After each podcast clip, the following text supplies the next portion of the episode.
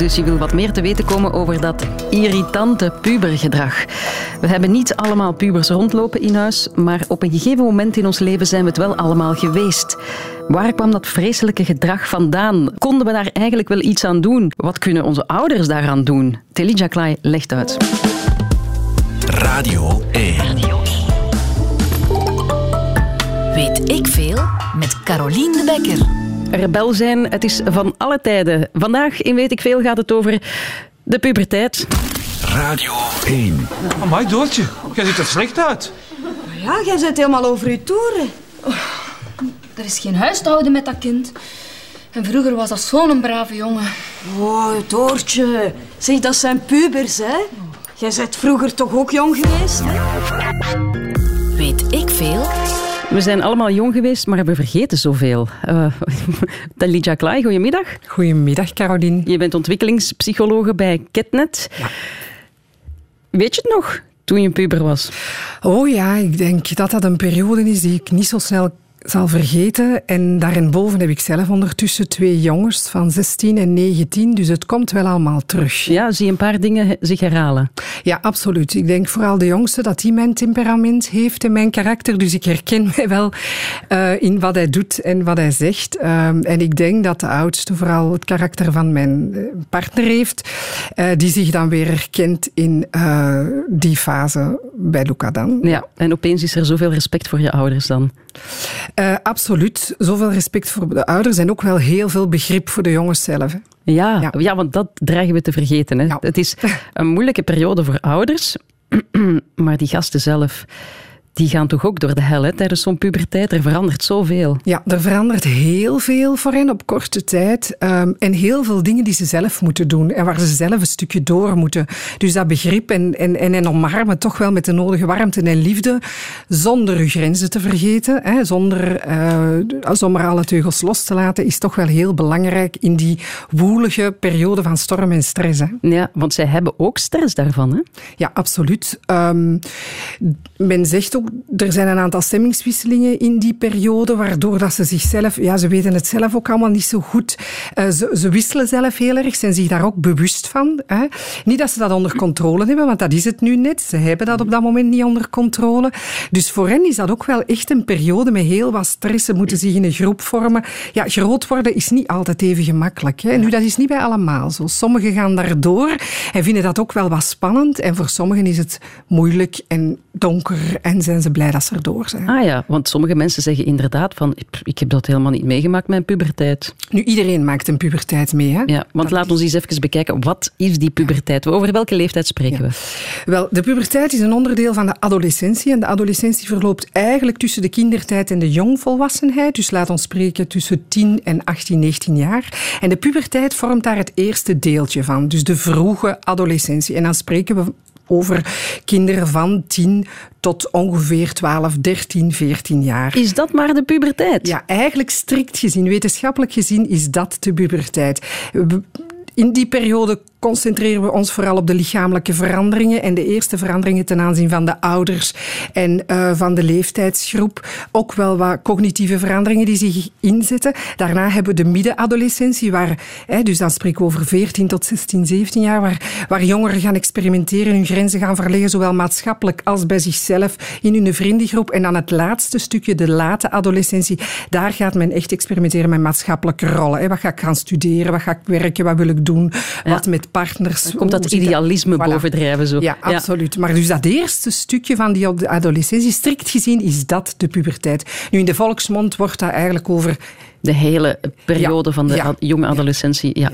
Maar bijvoorbeeld, jij zei daar net tien jaar. Is dat bij jongens en meisjes tien jaar? Wel, dat verschilt wel wat. We zien uit onderzoek dat bij meisjes de puberteit start tussen 10 en 11 jaar. En bij jongens eigenlijk tussen 12 en 13 jaar. Dus je gaat daar ook een verschil. Je ziet dat ook. Als je in de lagere school komt, dan heb je heel vaak het gevoel dat die meisjes dat die zowel wat volgroeider zijn en dat die jongens nog echt lagere schoolkinderen zijn. Dus je ziet even wel dat verschil Ja. In groeipatroon, in die start van die puberteit, dat dat bij jongens iets lager zit. Ah ja, oké. Ja, want eh, op een gegeven moment zijn meisjes groter dan jongens. Hè? Ja, Ja. dat is in hun lichamelijk groeiproces, zien we dat effectief.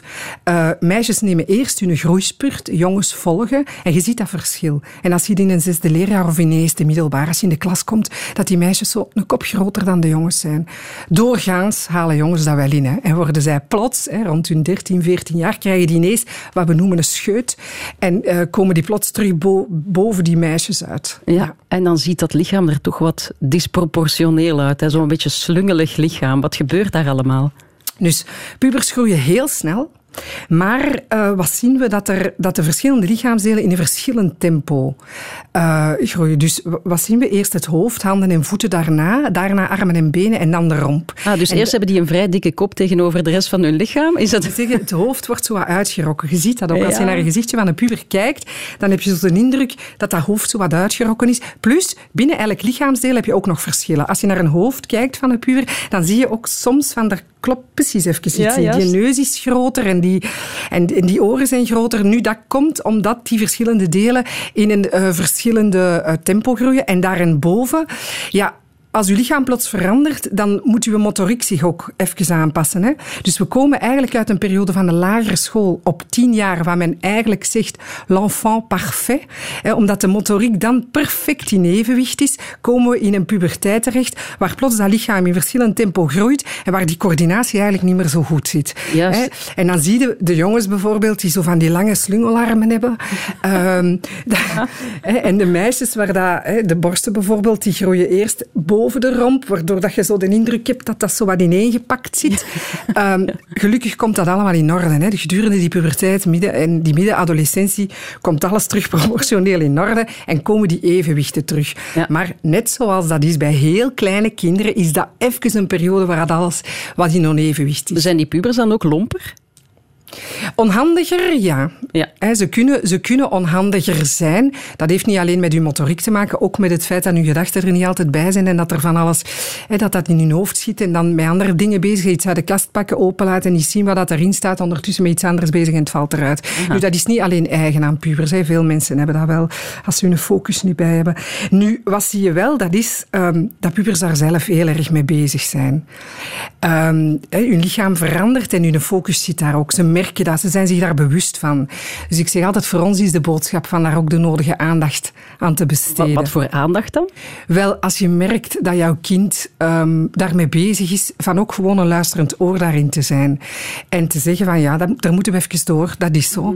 En we, gaan, hè, we moeten dat niet wegduwen, want voor hen is dat echt iets heel belangrijk. En zij, ja, ze zien dat, ze zijn ermee bezig. Plus dat ze dat ook Dat wel ze op- daar onzeker van zijn, ja, bedoel ze je? worden daar onzeker van. Eén, en dat, aan dat zag je vroeger in de kleedkamer. Hè? Ja, dan, dan ga je zwemmen en ineens ziet iedereen zich te verstoppen en dat BH'tje uit te doen in, in een hoek. En, ja. Ja, de, die schaamte komt op. En om eerlijk te zijn, sociale media en dergelijke ja, doet daar ook geen goed aan natuurlijk.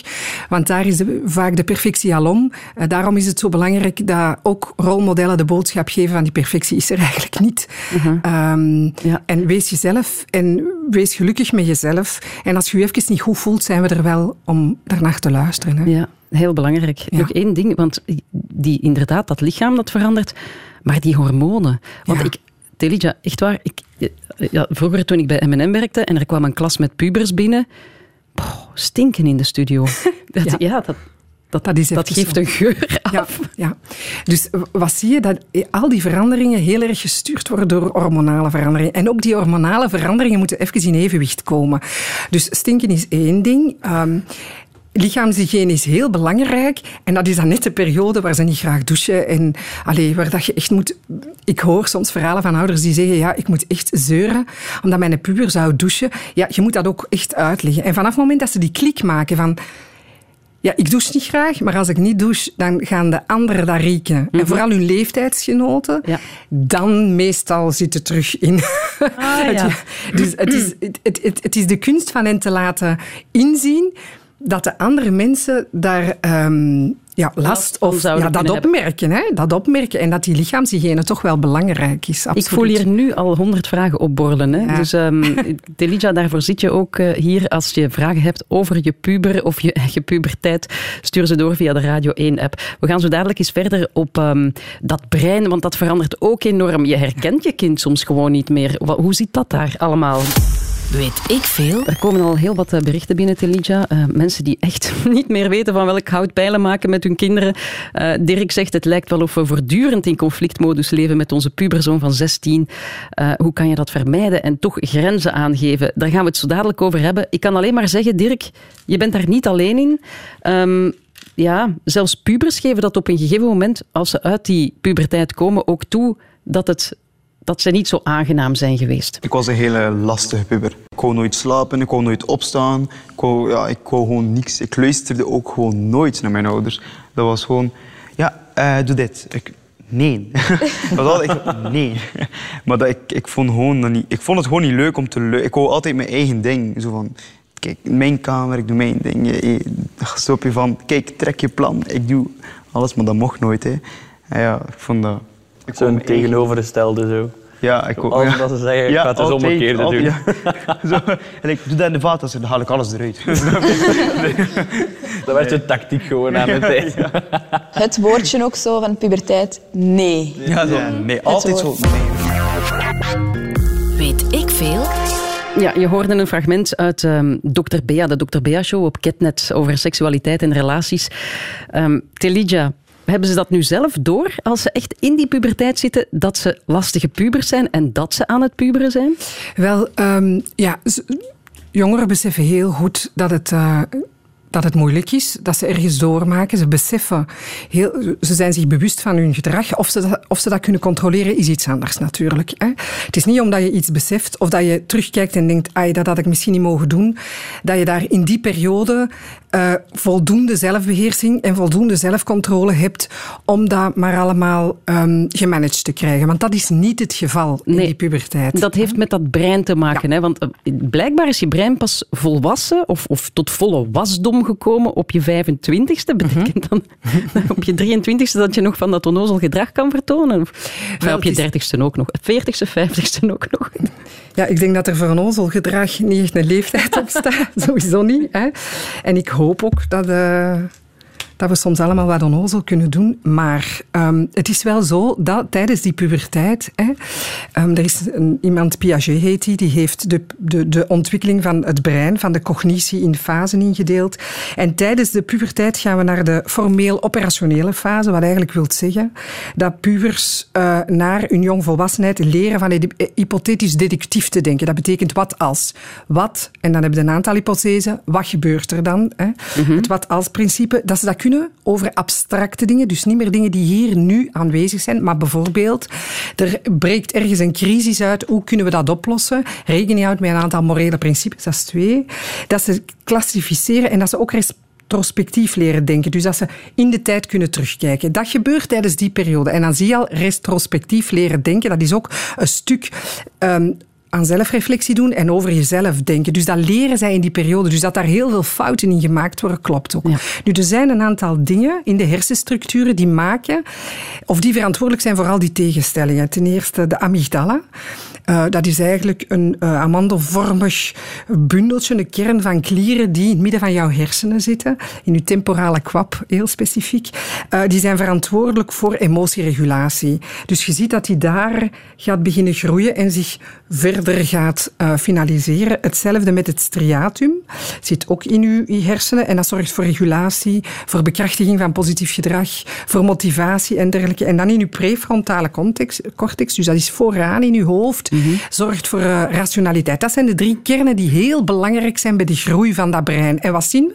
Dat ook die, net zoals uw lichaam, niet in hetzelfde tempo en tegelijkertijd groeien. Dus daar komen puur naar neurologie toe, naar neurofysiologie toe, zie je daar een aantal verschillen, belangrijke verschillen, die verantwoordelijk zijn voor tegenstrijdigheden, voor bijvoorbeeld extreem gedrag, voor experimenteren, voor dat controleverlies, voor de inschattingsfouten die ze maken. Dus dat heeft ook gewoon een stukje te maken met de neurofysiologie van jouw brein. Ah ja, want inderdaad, die uh, amygdala, bijvoorbeeld emotieregulatie, dat je daarnet zei, ja, die emoties van pubers, dat gaat gewoon alle kanten uit. Hè? Ja. Dat weten ze zelf ook, van wat is dit nu? Ja, dus zij kunnen aan één, in, op één seconde eigenlijk heel blij zijn en dan plots heel verdrietig. Maar evengoed heel dicht bij jou en op uw schoot en tegen uw arm willen komen liggen en twee minuten later u afstoten en boos zijn. En dus ze, ze zijn daar heel wisselend in en ze hebben niet die controle. Dat heeft puur met hun hersenfunctie te maken. Ah, ja, hè. ja. Want als we dan even die, die prefrontale cortex, dat, dat, dat, het ratio zit daarin, of, of daar, daar komt het ratio vandaan. Dat wordt dan het laatst ontwikkeld. Dat betekent verantwoordelijkheid. Dat is nog niet allemaal wat het zou moeten zijn als ze puber zijn. Is dat, zien we dat, kunnen we dat koppelen aan dat experimenteren en onverantwoord gedrag? Ja, dat heeft daar een stukje mee te maken. Hè. Het feit, één, dat je die inschatting ook niet altijd kunt maken. Hè. En dat heeft met een aantal fouten te maken die sowieso in hun denkpatroon zitten. Ehm, het, het puber-egocentrisme, ze vertrekken heel erg vanuit zichzelf, net omdat, omdat empathie en het nemen van een ander gezichtspunt heel moeilijk is op dat moment voor hen. Hè. Um, dus wat krijg je? Een voorbeeld is de persoonlijke fabel. Um, de persoonlijke fabel? De ja, waar dat ze denken dat zij alleen iets meemaken. Bij mij is het het ergste van allemaal. ja. Altijd. Ja. Hè? En Waarom moet mij dit altijd overkomen? Voilà. Hè? Dus dat is een beetje dat Calimero-gedrag enerzijds. En dat is echt heel erg omdat ze op zichzelf gericht zijn.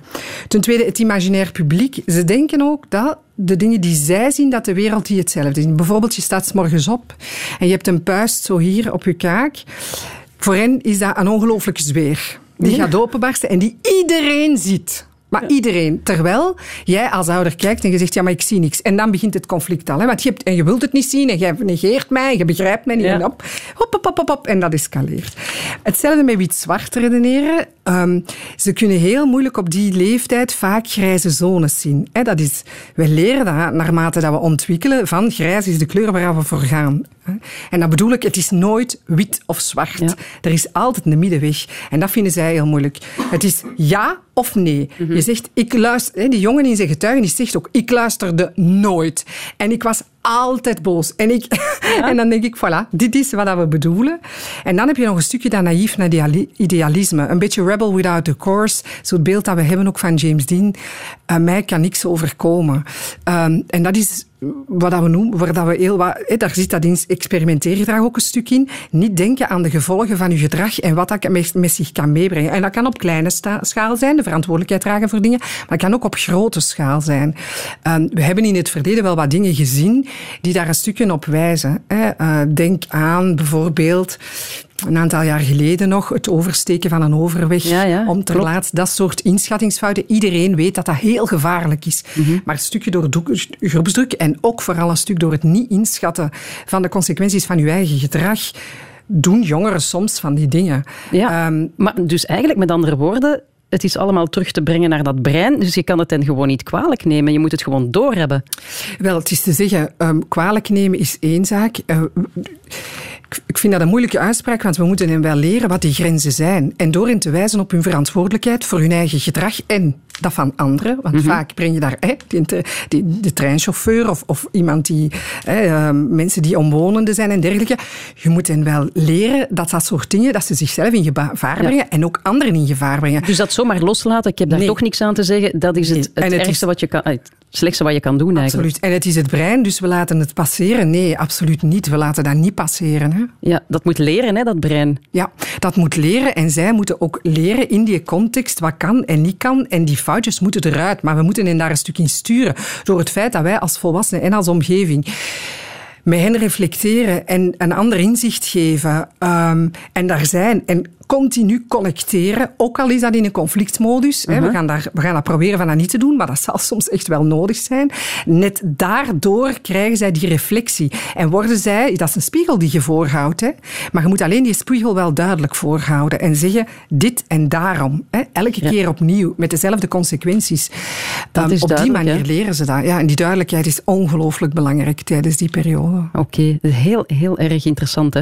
Nog één ding, want je zei daarnet al... ehm, een bepaald stuk van het brein maakt ook dat ze, dat ze, niet zo, dat ze minder gevoelig zijn voor straffen.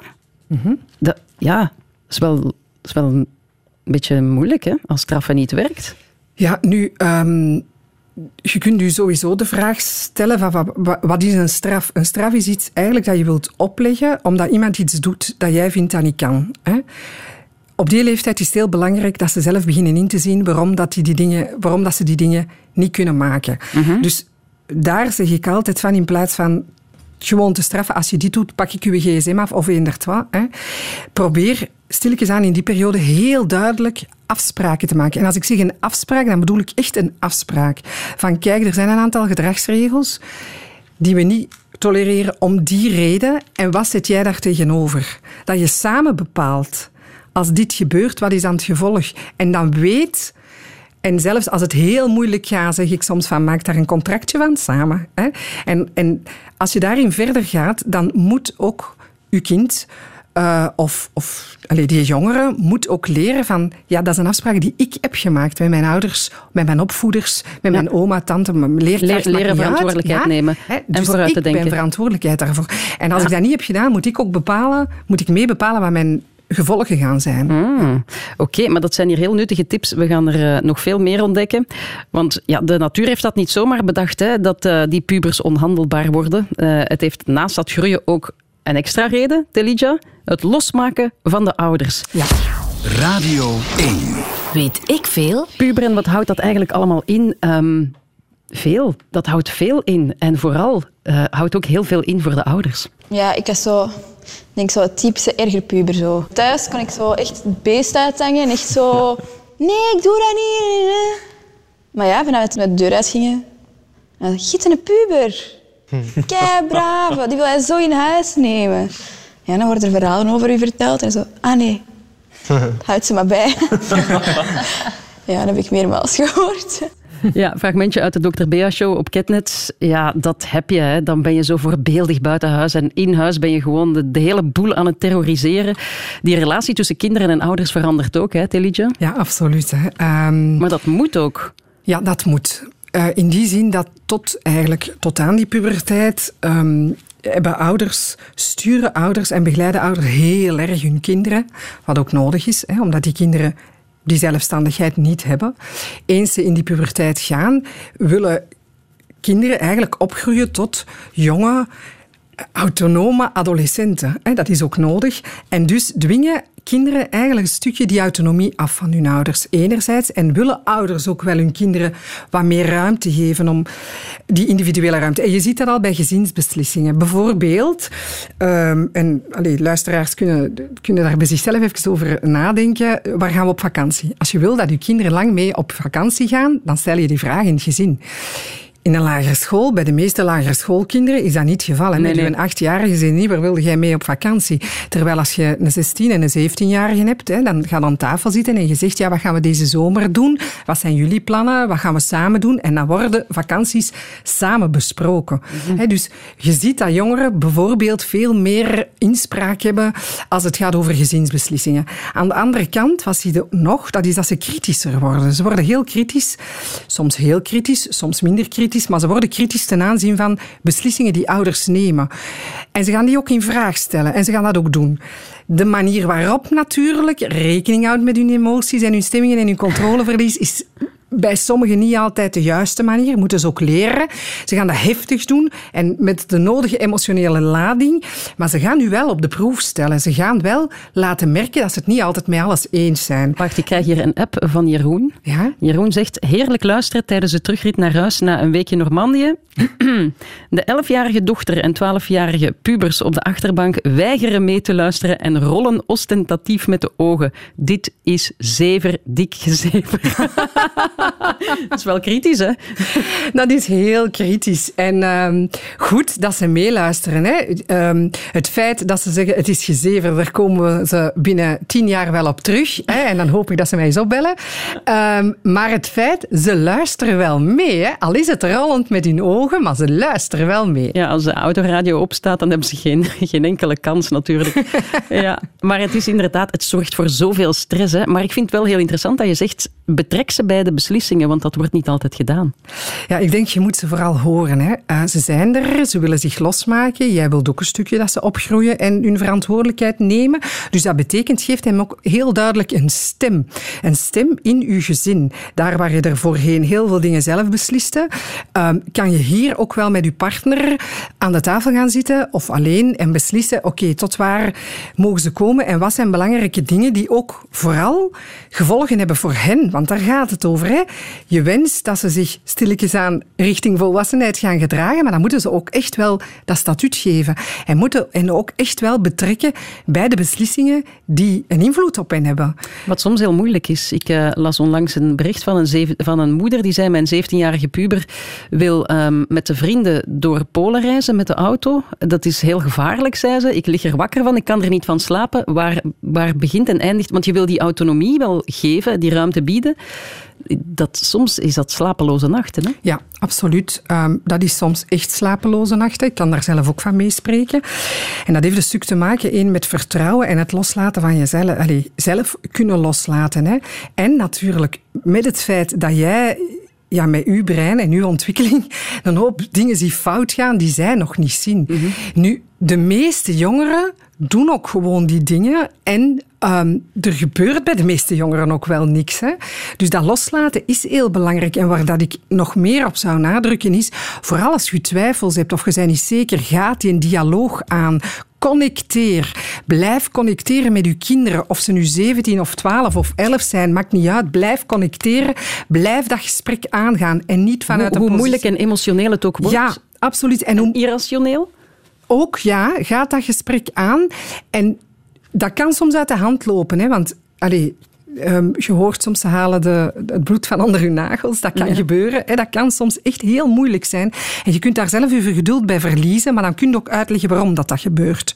Want dat is het ook. Hè. Dat is eigenlijk, zij komen op een min of meer stilletjes aan naar een gelijkwaardig niveau, maar ze zijn belangen nog niet gelijkwaardig. Mm -hmm. Maar je moet ze wel, dat statuut, je moet ze wel de ruimte geven om zichzelf te kunnen zijn de warmte en de veiligheid geven, maar wel met heel duidelijke grenzen. Grenzen van respect naar anderen, naar zichzelf, naar u als ouder. Dat is een eerste voorwaarde, denk ik, die heel belangrijk is. En dan de zaken die je inperkt gaan over uw eigen gezondheid en uw eigen bescherming. Als die moeder bezorgd is over het feit dat, die, dat, dat haar zoon op 17 jaar met, een vriend, met vrienden naar, naar Polen trekt met een auto, dan heeft dat te maken met het feit dat zij een bezorgdheid heeft naar zijn gezondheid en naar zijn welzijn. Dus moeten ze dat ook op die manier uiten. Ja. En dus de beperkingen die je stelt, moeten wel heel duidelijk, mag je wel duidelijk zeggen waarom dat je ze stelt. Oké, okay, dus ik, ik lees vooral, of ik hoor vooral duidelijkheid. Uh, structuur is ook heel belangrijk, hè? Voor ja, dat, uh... ja, dat vergeten we soms. Hè. Um, we, we, hameren daar zo erg op bij kinderen, hè, dat er een structuur moet zijn, maar die moet er bij adolescenten en zeker pubers ook zijn. Hè, dus het, het, we hoorden er straks, die jongen, ik wou s'nachts niet slapen en ik wou overdag niet opstaan. Wel, dat bioritme, ook dat verandert. Hè. Um, ik zeg altijd, mijn jongens de eerste taak die ik heb s'morgens is ze s'morgens uit bed krijgen. Want dat is, al, dat is al daar waar ik ze, als ze zes of vijf waren, in hun bed moest krijgen s'morgens. Dat ze niet om zes uur opstonden, moet ik ze nu echt uit hun bed krijgen. En, en, maar dat bioritme alleen al, die structuur, een dagstructuur, duidelijkheid. Ja, ik kan niet meer herhalen ook dat is echt heel belangrijk. Ja, ook al leef je bijvoorbeeld in aparte gezinnen, uh, regels, ja, er moeten regels zijn. Ook ja. al zijn ze in het ene gezin anders dan het andere. Ja. Die regels moet, die moeten er wel zijn. Ja, en regels is gewoon ook een manier van samenleven. Hè? Mm -hmm. En dat is niet van, ik heb iets over u te zeggen, dat gaat over, wij leven hier samen. En dan zijn er twee soorten regels. Eén, de regels voor uw eigen gezondheid. En wij gaan u helpen om op te groeien. Maar daarvoor moeten er wel een aantal duidelijke grenzen zijn. En ten tweede, de regels omdat je samenleeft in een gezin. Zeker nu met corona en de, en de lockdown die er geweest is was dat heel belangrijk. Hè? Gezinnen werden compleet teruggerenigd, 24 uur op 24 samen. De eerste twee maand en half van, hè, van, van 13 maart tot, uh, ik denk half mei of zo. Um, ja, dan is het zeker belangrijk met jongeren dat er heel duidelijk meegehouden Dit zijn samenlevingsregels. Als je wil samenleven met mensen, zijn er afspraken nodig. Ja. En kinderen zijn het niet altijd eens met die afspraken, maar ook zij moeten leren van, dat dan, van die dialoog aan te gaan. Van met hun ouders te bespreken dat ze het over een aantal dingen niet eens zijn. Dat is niet alleen de taak van de ouders, hè. Mhm. ook de taak van de kinderen. Ja, het is niet altijd makkelijk. Uh, Tessa bijvoorbeeld, die zegt dankjewel voor deze uitzending over het tienerbrein, want ik probeer hieruit te leren, uh, zodat ik niet zelf in de psychiatrie beland over een paar jaar, want mijn 15-jarig ettertje, ik zou hem een kopje kleiner maken.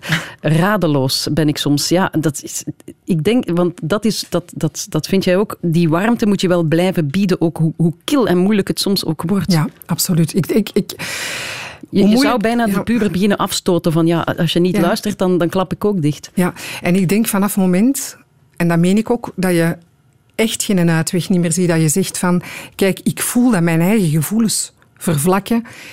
Um, denk ik dat echt heel belangrijk is dat je ook hulpverlening inschakelt.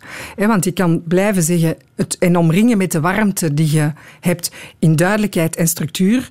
Maar in sommige situaties is het zo dat het dermate moeilijk wordt dat je bij jezelf voelt: één, ik kan het niet meer. En twee, ik loop zo over van mijn eigen emotie dat ik vervlak van mijn eigen kind. Ja. Als je dat herkent, praat met je huisarts. Um, zeker praat, allee, gaat een dialoog ook met anderen aan, met vriendinnen, met vrienden, um, waar je terecht kan, waar je een goede relatie mee hebt, maar even goed met professionals. Als je zegt, ik heb, ik heb hulp nodig, doe dat dan ook gewoon. Ja, het hoeft niet altijd zo te zijn, want uh, Sam die vraagt zich af, lichamelijk ben ik er wel doorgegaan, maar psychisch had ik daar weinig last van, alsof ik het heb overgeslagen. Is dit normaal, vraagt hij? Ja, dat is normaal, zoals ik er straks al zei. Het is niet bij iedereen de storm en stress.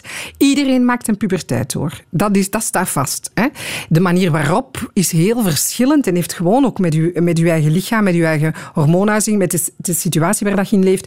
Er zijn heel veel factoren en je kan nooit zeggen het is je opvoeding of het is dit of dit, want dat is het niet. Het is een samenloop van de dingen en iedereen beleeft dat op een verschillende manier. Zoals ik in het begin zei, voor sommigen voelt dat heel spannend aan en die hebben er niet zoveel last van en sommigen ja, is dat echt een donkere periode. Ah, kijk, en Patrick die zegt ik ben 58 en ik denk dat ik nog altijd in de puberteit zit. ja, die mensen heb je dan ook. Uh, Patrick, geniet er vooral van dan. Weet ik veel? Telija Klaai, we hebben het over het puberbrein. Nog één vraag. Wat als je die kinderen de ruimte niet biedt om, uh, om zich los te scheuren? Wel, dan gaan ze zich op een problematische manier wel losscheuren. Dus het, het, bieden van die ruimte is gewoon een fundamentele basisvoorwaarde om kinderen te kunnen laten opgroeien. En je doet dat eigenlijk vanaf het moment dat ze geboren zijn. Hè, hoe gehecht dat je ook bent, en dat is ook belangrijk, die hechting moet ook blijven. Maar je laat los. Je laat los bij de eerste tand, bij het eerste flesje, bij... Maakt niet uit. En zeker tijdens die puberteit en die adolescenten gaat het ook over een fysieke ruimte, dat gaat over een emotionele ruimte, dat gaat over een, een, een echt veel grotere ruimte die je hen moet bieden. Ja, en, en als dat niet gewoon... gebeurt, dan komt er meer en meer strijd. Ja, meer en meer strijd, of ook niet. Hè. En dan heb je kinderen die zich niet losmaken, wat ook niet oké okay is. Wat die gebeurt er? Wat wat heeft dat voor gevolgen? Wel, dat kan... De gevolgen die dat kunnen hebben, is het feit dat je, je gaat eigenlijk door die adolescentie naar je eigen identiteitsontwikkeling. En daarvoor heb je die ruimte nodig om jij op de wereld, op deze wereld, ten aanzien van anderen, jezelf een plaats te kunnen geven en jezelf te kunnen zijn.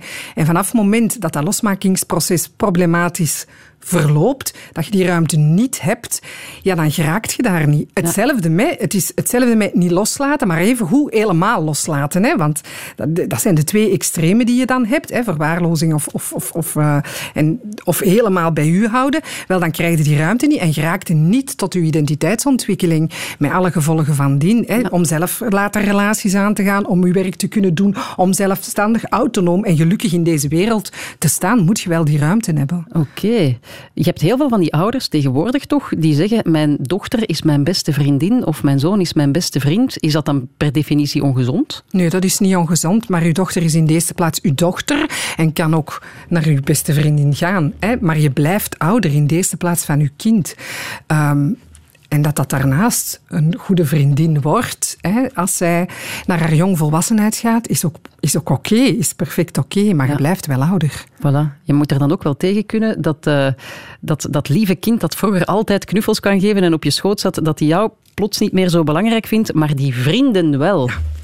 Allee, als, je, als je jong bent, heel je wereld zijn zo je ouders, snap je? Je hebt zo alles gedaan met je ouders en dan begin je zo ja, meer vrienden te krijgen en je wilt daar ook zo meer mee doen.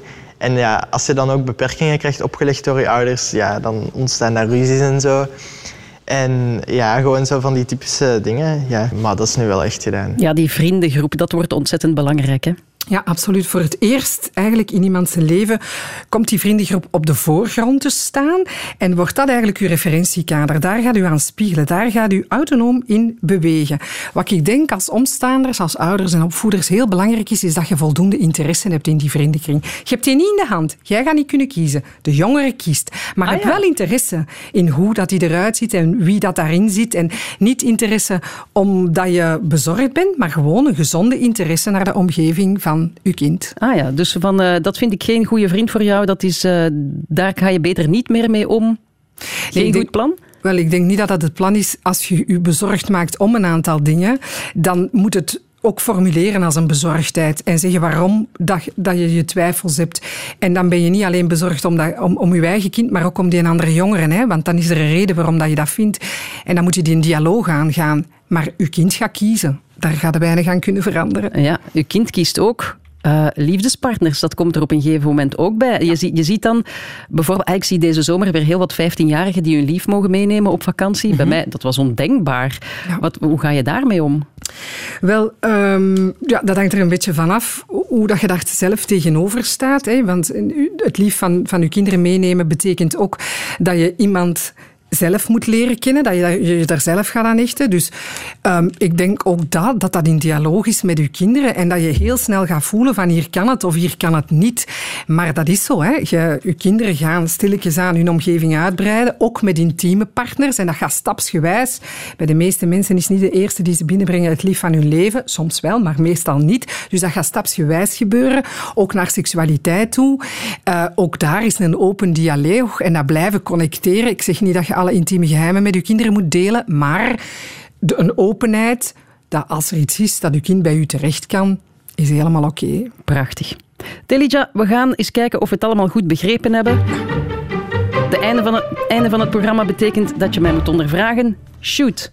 Tussen welke leeftijd valt de echte wetenschappelijke puberteit? Tussen 10 en 12? Bingo. Ja. Welke, lichaamsdelen gaan, welke lichaamsdelen gaan in de puberteit eerst groeien?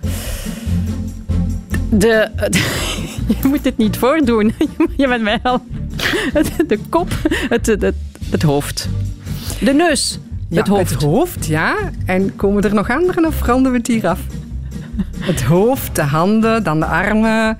Dan Ah, zo. Het Ja. moest... eh, ja, zeg, dat is niet gemakkelijk, hè? Ja. Hoe kan je een puber motiveren om vaak te douchen? Door te duiden dat hij niet lekker ruikt en dat anderen het zullen opmerken. Pubers missen soms gezond verstand en een inschattingsvermogen. Daar moeten ouders of andere opvoeders bij helpen. Waar in onze hersenen wordt ons rationeel gezond verstand gevormd en gestuurd? Prefrontale cortex. Ja. En weet je waarom ik refereerde naar James Dean? Rebel without a course. Ja. Ja, dat, ja, dat, ja inderdaad. Dat onverantwoord gedrag. hè. Ehm, dankjewel, Telija. Ik vond het echt zeer, zeer boeiend. Ehm, ga maar terug naar Ketnet. Ze hebben daar, jou daar ook weer nodig hè, als eh, eh, ja, ontwikkelingspsychologe. Radio 1.